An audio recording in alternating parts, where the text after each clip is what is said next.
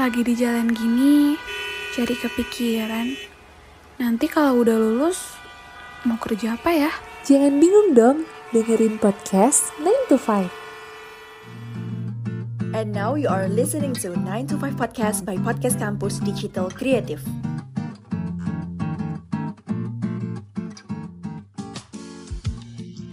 Halo teman-teman podcast 9 to 5, selamat datang lagi di in another episode di podcast 9 to 5 dan kali ini ditemenin sama gue Jesslyn dan tentunya ya di setiap episode podcast 9 to 5 tentunya nggak akan sendirian karena akan selalu ditemenin sama speaker-speaker yang seru banget dan hari ini gue bareng sama Kak Winnie. Halo Kak. Hai. Hai, gimana nih Kak kabarnya? Alhamdulillah baik meskipun panas ya di Jakarta. Oh iya, selalu panas kayaknya kalau di Jakarta tuh ya. Iya.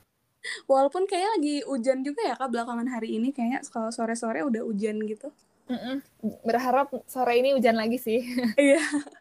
Karena emang nenangin banget ya kalau hujan sore-sore gini. Kalau kerja gimana nih kak? Masih work from home kah atau udah ke kantor?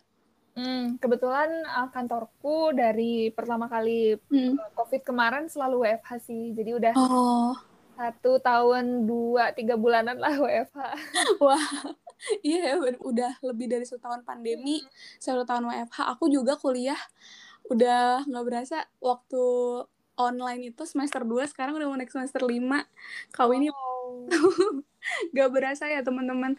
Tapi untuk teman-teman podcast 9 to 5 hari ini kita bakal ngobrol bareng-bareng nih sama Kak Winnie sesuatu yang mungkin teman-teman mahasiswa pengen tahu banget nih Kak tentang career exploring gitu kan. Karena orang tuh banyak yang ngomong eh, kalau masa kuliah tuh kayaknya masa terakhir seseorang tuh bisa dibilang sebagai pelajar atau mahasiswa gitu. Setelahnya tuh nanti kita akan menghadapi dunia yang sesungguhnya gitu.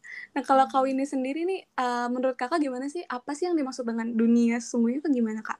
Dunia sesungguhnya tuh uh, apa yang kamu bilang tuh benar banget ya. Pas aku tahun terakhir juga aku ngerasain hal yang persis sama gitu.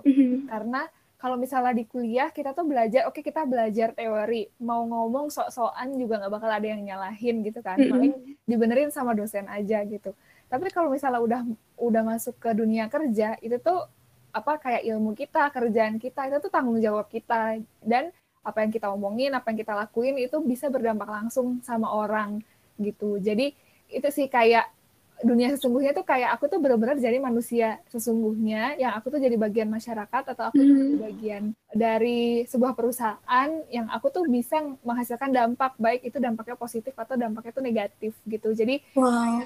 waktu tahun-tahun terakhir kuliah tuh aku ngerasa super deg-degan deg-degan kayak aduh aku tuh suka nggak ya kerjaannya aduh aku tuh kalau ngelakuin kesalahan gimana ya gitu Iya, iya, pasti deg-degan banget ya, Kak. Aku juga ngebayanginnya kayak waktu masuk ke dunia kerja kan is new thing gitu ya. Kita yang dari mahasiswa benar-benar jadi orang dewasa gitu.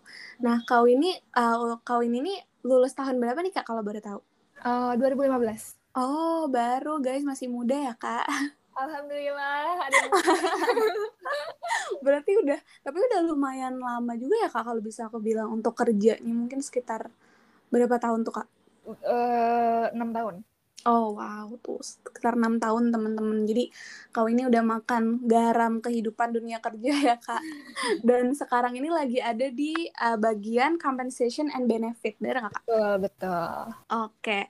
Nah, buat teman-teman yang penasaran nih ya, uh, compensation and benefit tuh kalau bisa dideskripsikan tuh bidang kerja seperti apa sih kak? Eh, compensation benefit itu kan itu sebenarnya adalah salah satu eh, sub bagian dari HR gitu atau human resource atau ya apa pun lah namanya atau istilahnya yang digunakan di Indonesia ini udah banyak banget soalnya gitu. Nah, eh, compensation and benefit itu sub bagian yang emang dia spesifik ngomongin compensation dan juga benefit. Jadi compensation compensation itu adalah segala hal yang berkaitan dengan gaji seorang karyawan, sedangkan benefit itu adalah yang didapatkan oleh karyawan tapi dia sifatnya bukan uang cash gitu. Jadi Hmm. eh, bukan gaji gitu. Itu Oh. itu and benefit. Oke, berarti uh, berurusan dengan gaji karyawan mungkin juga ini ya kak kayak uh, tunjangan kayak gitu nggak sih kak? Betul. Eh, di beberapa perusahaan eh, compensation and benefit ini juga termasuk asuransi. Oh ya. Oh iya, aku juga tuh kak, aku uh, ayahku juga sering cerita gitu untuk asuransi-asuransi dari kantornya. Berarti kalau di bagian HR ini diurus sama bidang compensation and benefit itu tadi ya kak? Betul. Oke, okay. berarti bisa dibilang di dalam bagian ini ya kak, kayak people management, HR. Betul. Oke, okay.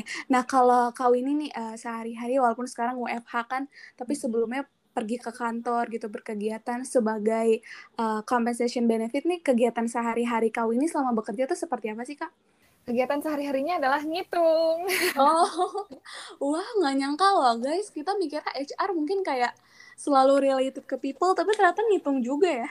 Iya, oh. jadi uh, beda-beda kalau yang aku rasain sih beda-beda ya nature-nya HR gitu. Mungkin kalau rekrutmen atau yang berkaitan dengan operation uh, personalia gitu emang lebih mm -hmm. mungkin lebih banyak tektokan sama karyawan ketemu karyawan ya kayak wawancara atau misalnya onboarding itu kan ya udah pasti berkomunikasi dengan karyawan kan mm -hmm. nah tapi compensation and benefit ini kalau misalnya di HR itu kita tuh uh, di bagian yang yang paling tidak kelihatan sebenarnya kita tuh oh. paling paling jauh dari karyawan gitu karena biasanya yang karyawan tahu adalah setiap tanggal 25 misalnya atau setiap tanggal 30 itu gajian. Kalau misalnya gajinya nggak sesuai, baru menghubungi orang komben gitu oh. atau atau itu kebanyakan dari compensation and benefit gitu. Uh -huh. Nah, tapi sebenarnya nih di balik di balik tanggal setiap tanggal gajian itu sebenarnya ada apa? Itu tuh sebenarnya kegiatannya tuh banyak banget gitu. Hmm. Jadi um, kalau gajian sendiri itu kalau misalnya uh, sebenarnya kita tuh ngerjainnya dua mingguan dua mingguan tapi kayaknya berasa cepet banget satu oh, hari iya. satu hari doang kan uh-uh. tuh ngerasain kayak oh tanggal segini gajian gitu tapi sebenarnya uh-uh. persiapannya itu banyak gitu oh. um, pasti tergantung ya dari setiap perusahaan uh, yang pasti kayak misalnya ngumpulin absensi uh, orang ini masuk nggak sih full di uh, minggu ini gitu atau bulan ini gitu. Terus sudah gitu uh, menghitung tunjangan. Tergantung juga dari setiap perusahaannya. Misalnya kalau misalnya ada tunjangan kehadiran berarti harus dihitung kehadirannya. Kalau misalnya ada tunjangan tepat waktu berarti harus dihitung berapa hari oh, karyawan ini masuk tepat waktu gitu. Terus um, ya tunjangan-tunjangan banyak lah ya di setiap mm -hmm. perusahaan kan beda-beda gitu. Yeah. Terus ngitung deduction juga. Deduction tuh apa? Misalnya uh, kalau misalnya perusahaan itu menerapkan kalau misalnya telat ada potong gaji misalnya hmm. itu berarti harus harus dicek dia telat berapa hari gitu terus atau misalnya untuk perusahaan yang polisinya misalnya oh kalau misalnya nggak masuk kalau belum punya cuti ya pokoknya dipotong gaji ya berarti harus dicek orang itu ada nggak masuk atau enggak gitu terus udah gitu deduction uh, misalnya piutang uh, karyawan ada yang melakukan peminjaman ke perusahaan. Hmm. Terus udah gitu misalnya di uh, di apa namanya dicicil. Nah berarti harus dicek cicilannya bulan ini masih ada atau enggak. Terus cicilannya apakah sudah sama dengan bulan sebelumnya atau belum gitu. Atau uh, macam macam-macam lah deduction karena biasanya policy dari setiap uh, perusahaan ya kak? perusahaan beda-beda gitu. Hmm. terus udah gitu asuransi sama BPJS itu kan juga dipegang sama compensation oh. bedanya asuransi sama BPJS itu BPJS itu kan adalah asuransi yang memang disediakan oleh pemerintah kan untuk mm -hmm. uh, rakyat Indonesia. Sedangkan kalau asuransi ini adalah asuransi swasta yang biasanya uh, dari third party gitu. Nah, uh, untuk perusahaan-perusahaan yang uh, ngasih asuransi itu biasanya soalnya kan kalau BPJS ada beberapa layanan yang kita harus datang ke apa sih namanya kayak puskesmas terdekat dulu. Yeah terus habis itu baru kita dirujuk ke rumah sakit yang lebih besar kan. Nah kalau misalnya asuransi itu uh, biasanya bisa langsung ke rumah sakit yang gede gitu. Nah tapi ya berarti BPJS sama asuransi ini beda beda ngurusnya gitu. Nah itu juga uh, ada kegiatan sehari harinya misalnya kita make sure uh, orang yang baru masuk itu udah udah langsung didaftarin gitu. Karena kan yang namanya sakit kecelakaan itu kan gak ada yang tahu kapan terjadinya kan. Iya. Nah, jangan sampai nih misalnya dia baru masuk terus besoknya sakit terus dia harus pakai duit sendiri gitu. Sedangkan mm. perusahaan udah mau nge-cover kesejahteraan mm. karyawan ini gitu misalnya. Terus uh, sama make sure juga karyawan yang udah resign itu juga udah di take out ya udah di take out dari BPJS dan juga asuransi ya kalau enggak dia berarti kan seharusnya udah nggak ada hak nih di perusahaan Hmm. itu ya jangan sampai kecolongan jadinya tetap dipakai gitu. Terus kalau misalnya ada perubahan-perubahan benefit contohnya misalnya orang yang promosi biasanya kan eh, selain gajinya naik juga ada perubahan benefit. Misalnya asuransinya plafonnya jadi lebih lebih tinggi misalnya. Hmm. atau misalnya ada eh, servis-servis atau layanan-layanan asuransi yang telah mencapai level tertentu misalnya. Nah, nah perubahan-perubahan itu itu harus dikomunikasikan ke third party-nya, whether itu adalah BPJS atau ke asuransi Hmm. gitu. Terus ya pemrosesan eh, perubahan-perubahan itu gitu. Itu dulu sih. Jadi sehari sehari-harinya lebih banyak mungkin komunikasinya ke third party sih Hmm. Nah, third party sama juga sama uh, mungkin di bagian accounting atau finance kalau Oh. misalnya di kantor gitu. Hmm. Jadi itu sih lebih banyak kita re- rekap terus setelah rekap hitung tunjangan, hitung Mhm. deduction, hitung pajak, bayar pajak. Habis itu uh, make sure BPJS setiap bulan udah sesuai belum dengan haknya. Gitu Oh. harinya. Wow, what a busy day ya kak. Kalau aku bisa gambarin nih kayaknya bakal banyak pergi ke mana-mana gitu se- sehari. Uh, untungnya karena ada teknologi, Oh iya. sekarang bisa dilakukan dengan email dan Hmm. Dan ya apa WhatsApp atau telepon gitu. Hmm, berarti walaupun jauh dari karyawan gitu kak, tapi sebenarnya punya apa ya responsibilities yang paling menjaga kesejahteraan karyawan itu sendiri ya kak. Dalam hal ini kan gaji gitu. Hmm. Wah, berarti tanggung jawabnya ini benar-benar uh, buat apa ya ngejalanin mungkin um, nilainya perusahaan untuk menjaga kesejahteraan si karyawannya nih teman-teman. Nah, berarti Kak uh, kalau bisa aku simpulin nih dari penjelasannya Kak Winnie tadi, perbedaannya compensation and benefit mungkin sama bidang uh, HR yang lain gitu, dia lebih ke kayak yang tadi kak- kakak bilang nggak nggak deket sama karyawan tapi emang dia bidangnya lebih ke yang ngerjain hal-hal teknis di belakang gitu ya nggak sih kak? Betul, betul. Hmm. Wow selain itu ada nggak sih kak kayak perubahan yang eh, maksudnya perbedaan yang signifikan gitu yang benar-benar beda di antara compensation benefit sama subdivisi atau bidang dari HR yang lain gitu? Hmm. Perbedaan yang sangat signifikan dari compensation and benefit dengan bidang lain adalah confidentiality. Jadi karena kita pegang kesejahteraan karyawan berupa gaji dan juga benefit, itu tuh uh, selalu menjadi bagian yang paling rahasia di Oh. perusahaan. Tuh.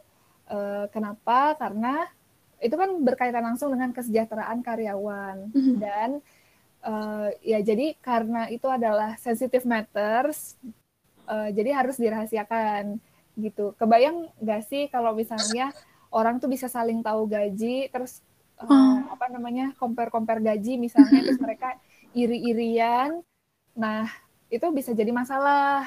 Soalnya HR tuh nggak akan mungkin bisa ngomong kayak ya kamu gajinya kurang soalnya dia uh, pengalaman kerjanya lebih banyak misalnya atau dia performanya lebih bagus misalnya. Nah, itu tuh nggak akan diterima sama karyawan karena Hmm. itu sangat sensitif dan langsung berkaitan dengan kesejahteraan mereka gitu. Hmm. Nah, makanya hal-hal yang berkaitan dengan gaji itu sangat konfidensial. Eh, sebenarnya sih semua yang di HR itu konfidensial. As in, Iya.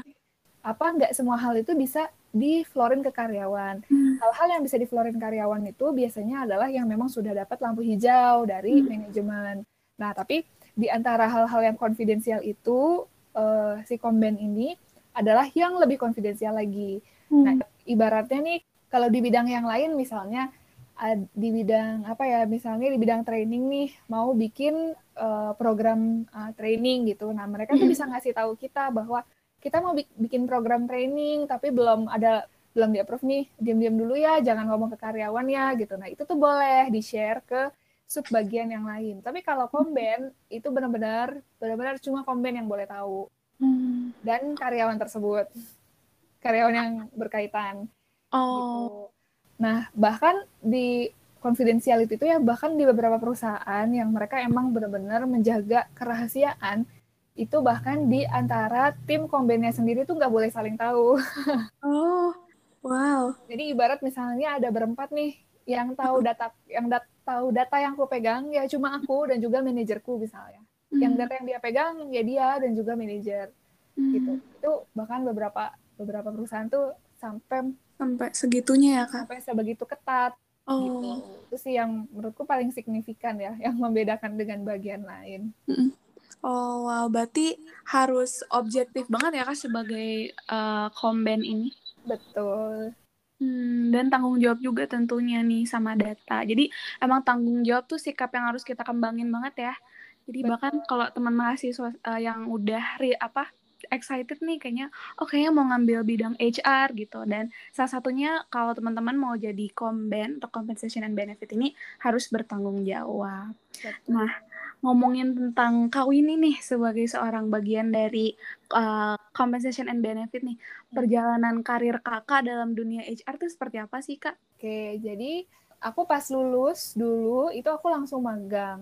Eh, Hmm. jadi ceritanya kenapa aku bisa kerja udah enam tahun tuh karena aku nggak sempet nggak sempet nganggur dulu gitu. Aku langsung magang.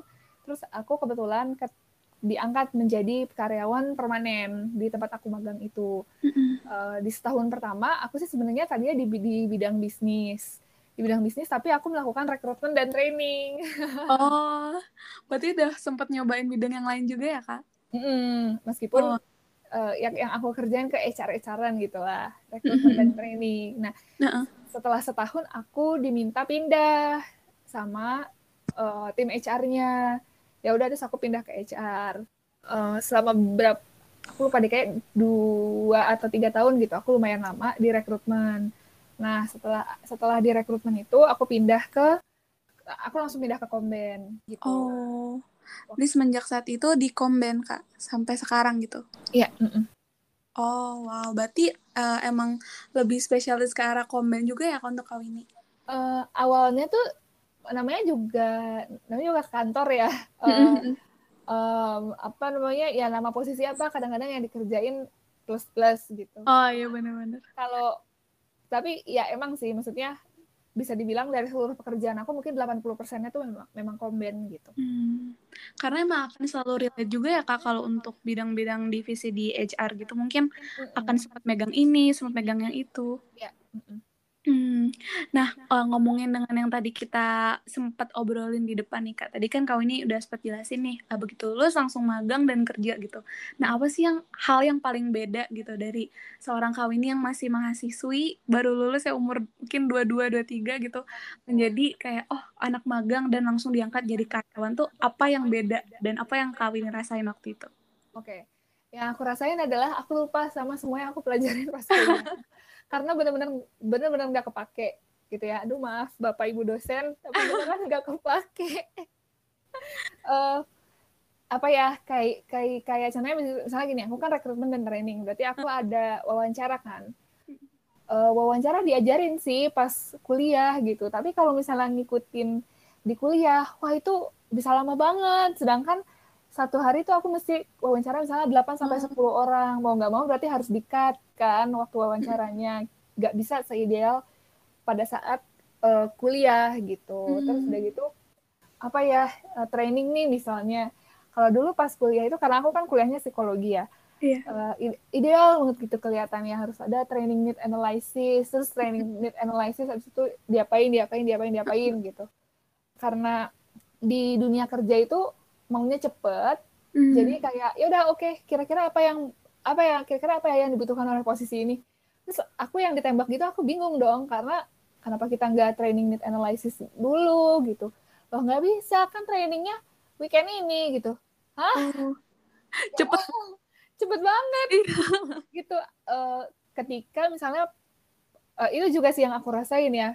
Karena kalau di kalau di kantor tuh fungsional dan praktikal gitu jadi Mhm. yang penting yang penting ada fungsinya yang penting kejadian Hmm. gitu kalau misalnya di sekolah di kuliah harus benar kalau ini yang penting ada yang penting kejadian yang penting ada fungsinya nggak ideal nggak apa-apa gitu Oh. dulu tuh pas kuliah aku bisa tiga mingguan bikin satu training doang gitu sedangkan ini kayak ah satu minggu Padahal mungkin banyak banget ya kak prosesnya untuk bikin training segala macam pertimbangannya. betul nah Hmm. eh, tapi ya turns out ternyata di dunia kerja ya kita nggak bisa nunggu selama itu gitu. Hmm. hanya untuk waktu itu trainingnya emang kecil sih cuma 20, 20 buat 20 orangan deh kalau nggak salah jadi nggak nggak rumit-rumit banget dan cuma setengah hari tapi ya itu aku kaget eh, pas di awal kayak ah cepet banget gitu Wow. Gitu. Tapi eh, aku juga sempat dengar nih kak kayak eh, beberapa kali gitu kan teman-temanku gitu terus eh, kakak-kakak tingkat aku juga gitu lu tuh harus pinter beradaptasi gitu kan lu harus punya skill untuk adaptable gitu. Mungkin itu yang kau ini alamin waktu itu ya untuk beradaptasi sama sesuatu yang baru banget kan kayak bahkan kalau bisa aku bilang kayak benar-benar beda sama yang selama ini diajarin sama ibu bapak dosen gitu. Betul betul Hmm. Eh, dan nggak bisa nggak bisa ngekip idealisme sih. Hmm. Eh, ini ini juga sih yang aku rasain ya. Kalau di kampus itu kan ya pokoknya kalau bisa sebenar-benarnya gitu. Ya kan? Jadi kadang-kadang kalau misalnya dibawa ke industri atau dunia kerja itu nggak bisa plak-plakan kita bawa. Meskipun meskipun memang baik gitu. Eh, pertimbangan dari eh, yang diajarin di kuliah. Tapi ketika ke, ke kantor ya dengan gampang dibilang tapi itu nggak praktikal tapi itu lama tapi itu banyak Oh. sumber dayanya sedangkan lo cuma sendiri lo tetap mau ngelakuin itu gitu Oh. terus kayak oh, i- oh iya sih bener juga sih gitu nah aku tuh pas awal-awal ngerasa marah sebel gitu loh kayak Hmm. aduh ngapain gue kuliah kalau misalnya maksudnya orang-orang di kantor tuh nggak ada yang ngedengerin aku gitu Hmm. sebenarnya kesel Eh, tapi setelah di setelah di- dijalani akhirnya ya ngerti bahwa kalau kerja itu orang pasti mikirinnya adalah efisiensi waktu, efisiensi sumber daya, efisiensi dana, tapi dengan impact sebesar-besarnya gitu. Jadi lama-lama akhirnya ngerti aja sih dan bisa adaptasi aja sih dan bisa ya kalau nggak ideal nggak apa-apa deh, nggak sesuai dengan di kerjaan juga nggak apa-apa deh gitu. Oke, berarti istilahnya kayak makin kita tahu lingkungannya, kita makin tahu harus kayak gimana gitu ngebawa diri kita gitu ya kak. Betul. Hmm, Oke, nah tadi udah sempat cerita juga gitu kan tantangan tantangan seorang kawini dari eh, seorang mahasiswi jadi karyawan gitu menghadapi segala sesuatu yang baru untuk beradaptasi. Tapi selama enam tahun ini kak udah kerja gitu kan, masih muda juga gitu. Apa sih selama ini tantangan terbesar yang kawini hadapi gitu sebagai seorang compensation and benefit? tantangan terbesar aku sebenarnya adalah karena komen itu tidak diajarkan di kuliah. Oh. Eh, jadi aku soalnya gini, aku kan bukan dari manajemen dan juga bukan dari finance atau dari accounting. Aku itu dari psikologi yang emang ada mata kuliah mata kuliah terkait dengan organisasi atau perusahaan, psikologi di perusahaan gitu. Mm-mm. Tapi nggak pernah ngajarin tentang compensation and benefit. Ketika aku masuk, semua muanya itu aku belajar dari rekan kerjaku atau dari atasanku Hmm. gitu kayak ngitung gaji itu kayak gini loh eh, caranya gitu. Eh, apa namanya ngurusin administrasi administrasi terkait dengan penggajian kayak gini loh caranya. Itu benar-benar 0% kali yang aku ambil dari dari kuliah gitu. Benar-benar Oh. benar-benar gak ada. Akhirnya susahnya adalah eh, aku pikir oh ya aku juga mau dikasih nih kalau komen itu lebih dari sekedar ngeproses gaji aja tapi juga ketika orang itu masuk ditentuin gajinya berapa. Gitu. Dilihat Oh. dari dilihat dari pendidikannya dilihat dari pekerjaannya misalnya. Gitu. Terus udah gitu dilihat juga dari struktur ben- eh, compensation di perusahaan itu.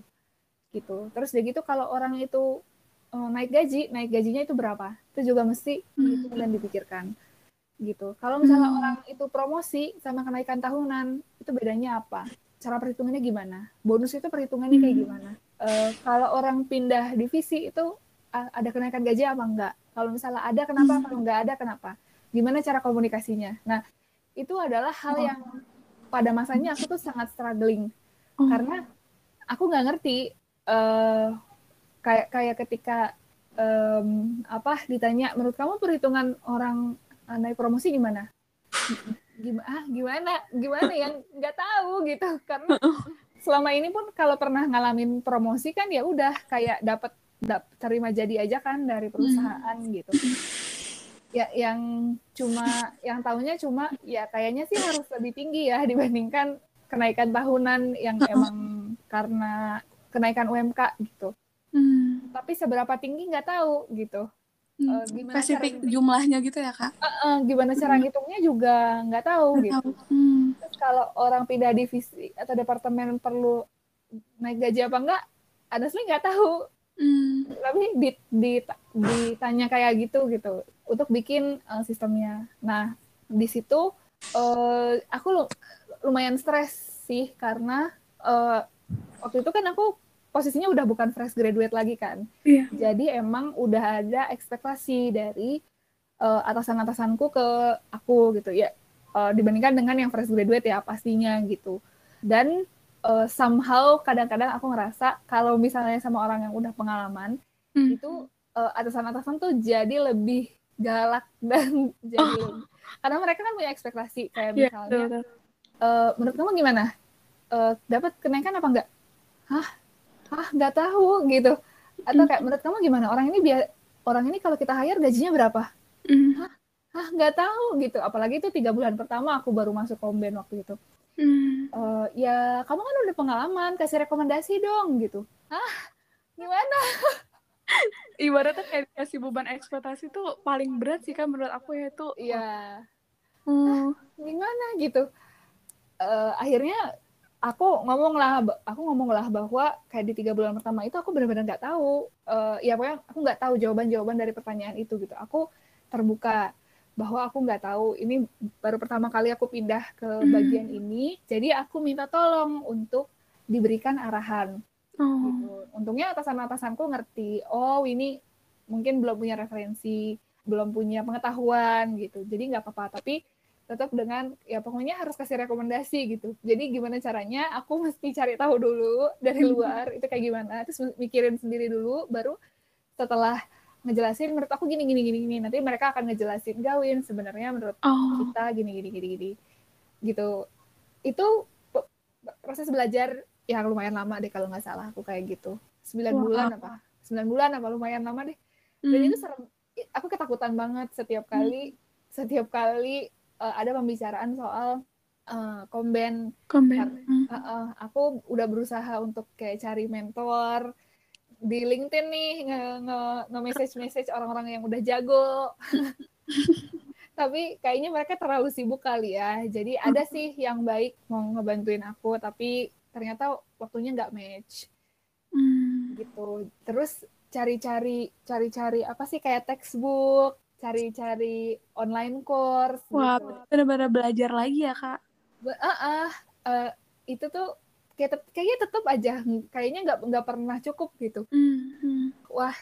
untungnya sih udah udah lewat fase-fase itu untungnya udah lewat tapi em, apa ya wa- waktu itu tantangan yang besar banget sih aku ket, aku aku ketakutan ya kan ada ekspektasi di situ itu adalah beban yang berat Hmm. Eh, dan juga ini sih untuk orang yang eh, notabene waktu itu kan aku udah lima tahun ya Hmm. kerja waktu pas eh lima tahun kurang sedikit lah Eh, pas aku masuk ke komben itu jadi kayak udah pernah ngerasain sukses udah pernah ngerasain Oh. udah pernah ngerasain bisa ngelakuin sesuatu dan Oh. expert di bidang itu terus tiba-tiba masuk ke sesuatu yang aku nggak tahu sama sekali Hmm. itu jujur harga diriku terluka banget sih Oh. Eh, dan itu yang mem- membuat aku tuh malas belajar Hmm. ya ada rasa malasnya gitu cuma Hmm. akhirnya di situ aku ngerasain bahwa ya selama belum pensiun tuh sebenarnya akan terus-terusan belajar dan Bener. akan terus-terusan nggak tahu akan selalu ada hal yang kita nggak tahu gitu Wah. ya aku baru lima tahun gitu tahu apa sih Tetep emang kayak there's so many things to learn gitu ya kak in life. Gak akan Iya. nanti belajar gitu ya. betul betul jadi terus Wah. nanti misalnya pembelajaran aku di komben udah selesai nih nanti aku pindah ke bagian lain lagi Mhm. pasti bakal kayak gitu lagi riset lagi dari nol Hmm. Ini salah satu perbincangan juga kak di teman-teman mahasiswa mungkin ya zaman sekarang tuh mikir kayak pengen jadi generalis atau spesialis gitu.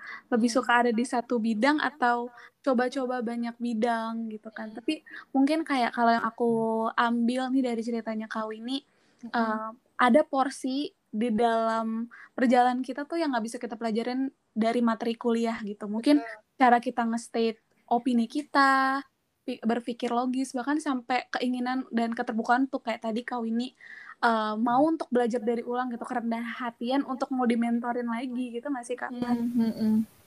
Wow, jadi mungkin itu ya uh, satu hal nih yang mungkin teman-teman mahasiswa, uh, teman-teman podcast 9 to 5, kita harus banyak belajar untuk apa ya? Mungkin aku bilang membuka diri ya Kak untuk kayak oke ayo keluar dari zona nyaman gitu. Karena kadang keluar dari zona nyaman tuh paling susah, ya nggak sih Kak? Betul. Hmm. Wah, itu dia nih tadi. Wah, jujur aku sangat terbuka ya sebagai masih mahasiswi gitu. Aku nggak kebayang kalau ternyata bahkan sekitar udah lima tahun kerja itu masih dibawa lagi ke dalam proses yang baru lagi gitu kayak kata Kawini gitu kan. Nah kalau uh, terkait juga nih kak kayak kerja in a team gitu working as a team. Menurut Kawini sendiri working flow as a team yang baik gitu selama bekerja itu seperti apa sih kak? Working flow. Kalau ngomongin working flow sih sebenarnya bakal teknis banget ya. Mm -mm terutama karena ini lagi WFH jadi kalau bisa tuh segala hal tuh ter terrecord. Ada ada pencatatannya gitu. Bukan cuma dari mulut ke mulut doang karena suatu saat pasti akan lupa. Namanya manusia gitu. Yeah. jadi harus ada uh, catatannya gitu. Apakah misalnya segala informasi di lewat email atau lewat form misalnya dan pencatatan itu harus bisa dipertanggungjawabkan soalnya kita HR kan mm. jadi uh, soal data itu kita harus bisa mempertanggungjawabkan. Kalau enggak, kita yang bakal diombang-ambing sama karyawan. Kalau oh. kalau misalnya mereka ada protes atau gimana gitu. Jadi memang pencatatan itu harus di bisa dipertanggungjawabkan. Tapi sebenarnya apa yang bikin senang kerja di tim itu bukan workflow-nya sih kalau menurut aku, tapi uh, culture-nya. Oh. Gitu. Jadi aku pernah ada di tim aku aku pernah ada di tim yang kayak oh ada orang yang rajin ya udah gue males aja kan bakal oh, iya. dia gitu iya pernah juga tuh ngalamin yang kayak gitu kalau ya. nggak tanya dia nggak nanya duluan gitu betul ya. betul terus kalau ada masalah kadang-kadang kita harus ngeh dulu baru kalau ditanya eh ini kenapa ada masalah ini? Oh iya aku aduh lupa nih ngasih tahu gitu. Oh ya gitu. Wah itu nggak enak banget. Hmm. terutama buat uh, orang-orang yang inisiatif gitu. Akhirnya oh, ya. uh, mereka dapat porsi kerjaan pasti lebih banyak. Uh, dan juga harus proaktif untuk nanya terus gitu loh. Hmm. kadang-kadang masalah tuh udah udah jadi parah duluan baru dia tahu uh -uh, dan baru orang lain tahu dan akhirnya mesti ngeberesin masalah itu ketika udah parah. Oh. gitu. Nah tapi aku juga pernah punya tim yang yang nggak takut untuk ngomong satu sama lain. Mm-hmm. gitu. Nggak takut untuk terbuka dan nggak takut untuk nanya saran. Terutama ketika masalah itu masih dalam early stage. Mm-hmm. uh, ini kayaknya akan akan jadi masalah nih kalau misalnya nggak dikomunikasikan gitu misalnya.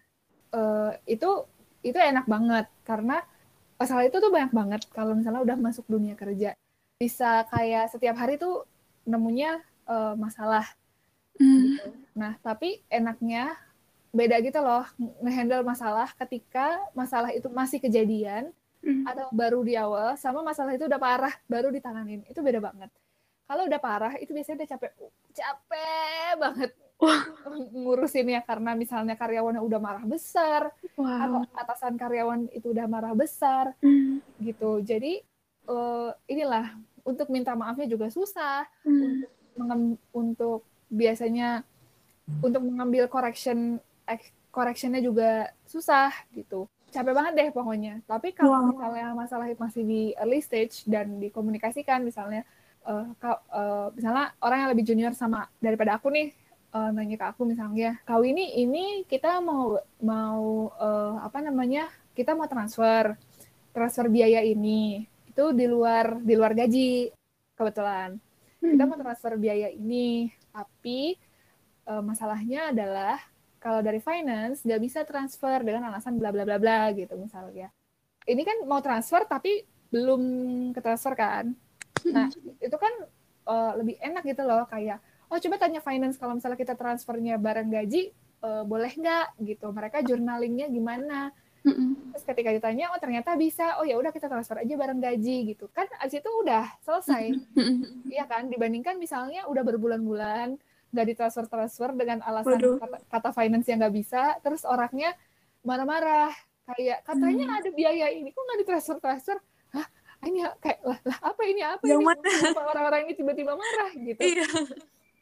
Wah, aku gak kebayang sih tiba-tiba dimarahin orang harus nyari-nyari data lagi. Yang mana nih yang kurang gitu. Iya, kan, kan kalau misalnya ya ya bedanya kalau yang masih di license ya itu masalah. Kita nggak bisa transfer itu masalah kan. Tapi karena karena belum belum berlarut-larut, kita langsung bisa cari langsung bisa cari solusinya. Kalaupun karyawan nanya, kita langsung bisa nyiapin komunikasinya Hmm, oke. Gitu. Jadi mereka nggak ngamuk-ngamuk dulu, nggak marah-marah dulu, udah udah diberikan pemberitahuan lah gitu. Mm-mm. soalnya eh, menurut aku ya kalau karyawan itu kadang-kadang eh, jadi sebelnya jadi HR adalah suka dimarahin karyawan yang karyawan itu nggak ngerti prosesnya Oh ya. gitu tapi mereka marah sebenarnya karena mereka nggak ngerti kalau mereka sejak awal dikasih tahu atau dikomunikasikan itu tuh sebenarnya mereka nggak bakal marah-marah kayak Hmm. udah terinfo lebih awal oh gitu gitu kan ya udah jadi jadi nggak perlu ini kan nggak perlu Hmm. berlarut-larut kan nah tim yang kayak gitu sih yang menurut aku bikin Bikin merasa- capek. Mm-mm.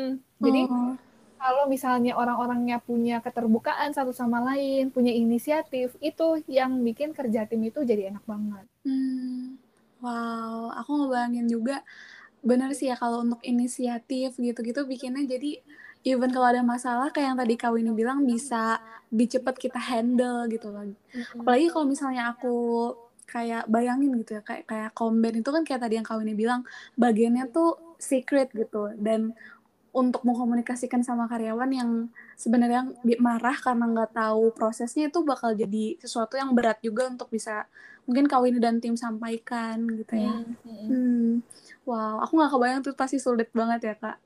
Tapi kayak selama ini nih enam tahun kerja gitu, bahkan dalam masa tersulit kau ini dalam bekerja tadi kan sekitar 9 bulan. Mm-mm. Uh, walaupun sulit gitu ya, kita tetap dipaksa buat ngejaga nih uh, responsibilities, tanggung jawab gitu. Nah, kalau kau ini sendiri, uh, apa sih cara yang kau ini biasanya lakukan untuk keep up sama responsibilities untuk tetap profesional tapi juga tetap ngejaga diri kakak gitu jangan sampai kayak jadi burnout atau jadi toxic positivity gitu nah kalau kak Winnie sendiri itu seperti apa? kalau misalnya perlu knowledge atau skill eh, mesti cari sih ya either Mhm. misalnya baca artikel baca buku atau nanya ke teman yang ada di perusahaan itu misalnya yang lebih senior daripada kita atau nanya ke teman yang kerja di perusahaan lain yang mungkin dia tahu kalau di perusahaan lain tuh kayak gimana gitu referensinya. Ya pokoknya cari referensi lah gitu.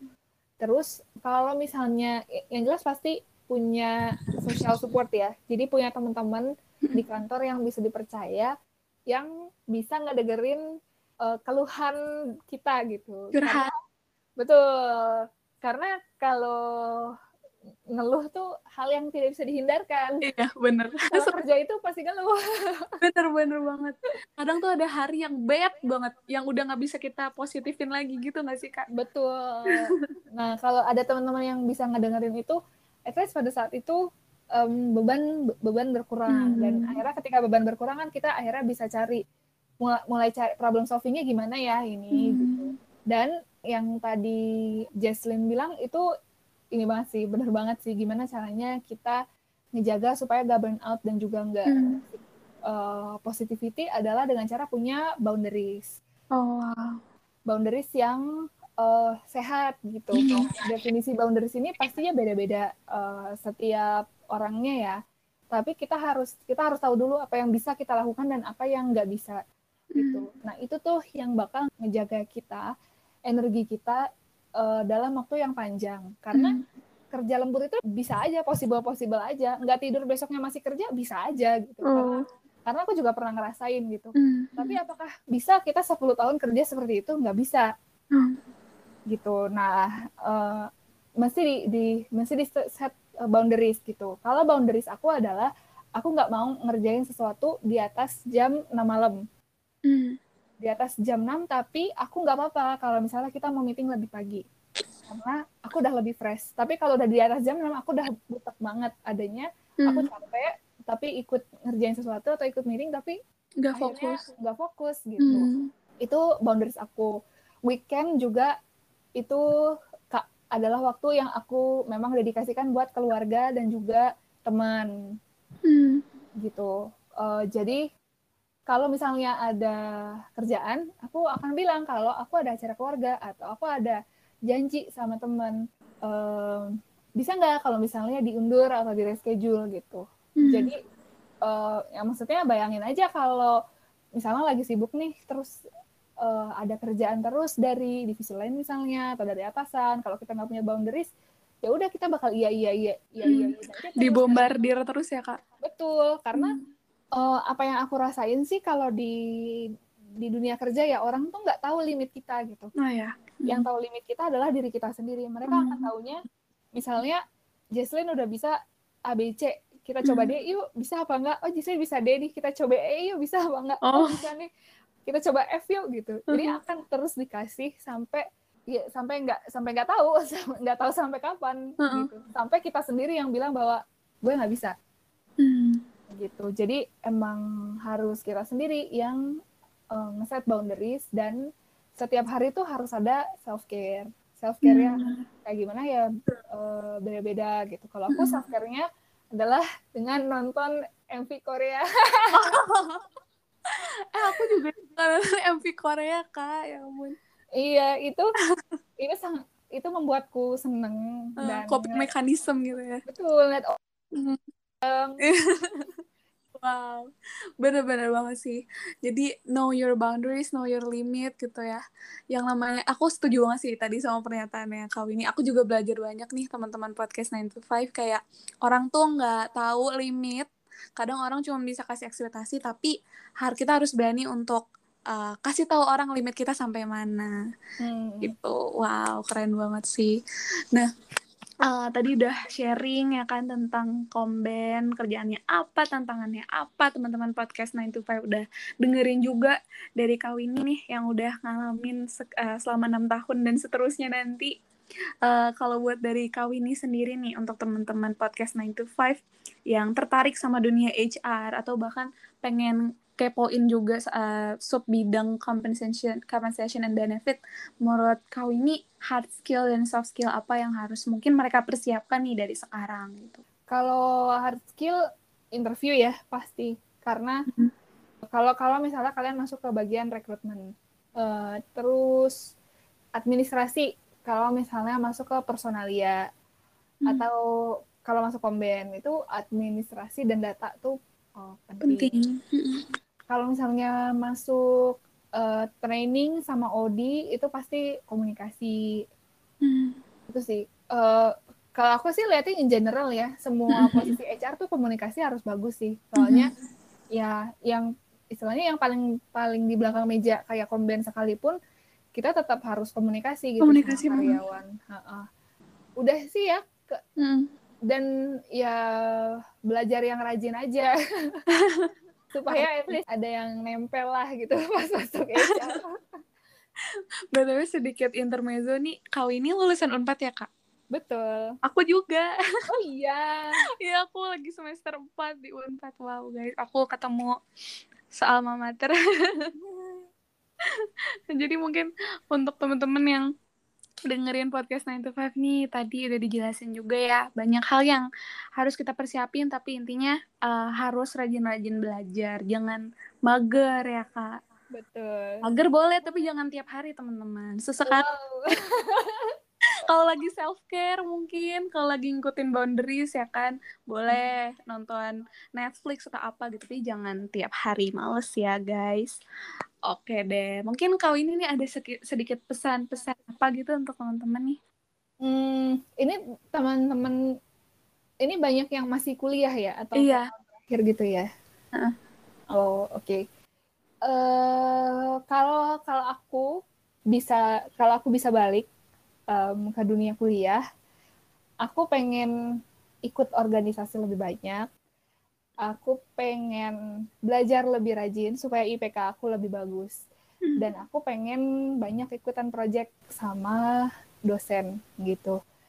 Karena ketika aku masuk ke HR, aku baru sadar kalau ya dengan cara itulah um, kita dinilai, maksudnya kandidat itu dinilai, tapi lebih dari itu orang-orang yang banyak project biasanya mereka adaptasi di, di kantor lebih cepat.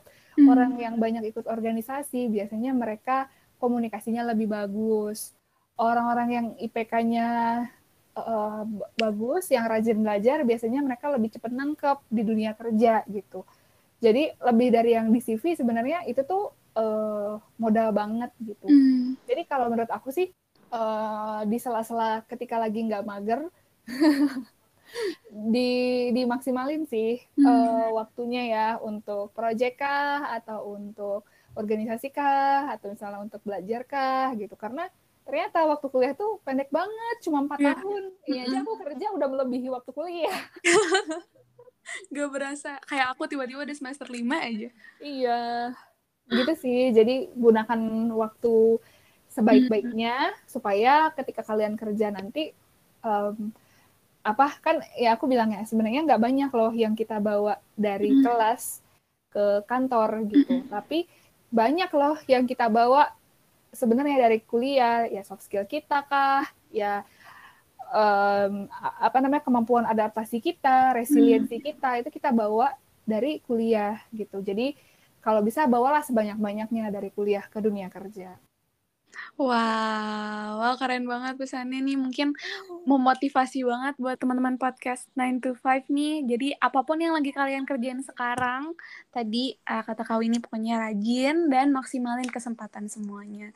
Thank you so much Kak Winnie untuk waktunya nih. Kita ngobrol-ngobrol banyak banget. Aku pribadi juga belajar banyak banget dari Kak Winnie. Sama-sama. Thank you so much Kak Winnie. Dan buat teman-teman podcast uh, 9 to 5, jangan lupa buat dengerin episode podcast kita. Uh, yang nantinya bakal di-upload juga di Instagram Podcast Kampus. Dan episode terutama ini nih yang sama Kak Winnie didengerin sampai habis. Dan share juga ke teman-teman kalian yang mungkin kalian pikir bakal belajar banyak nih dari episode kali ini.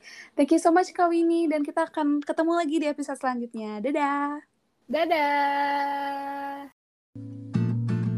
Sekarang gue jadi tahu mau kerja di mana setelah lulus nanti. And now you are listening to 9 to 5 podcast by Podcast Campus Digital Creative.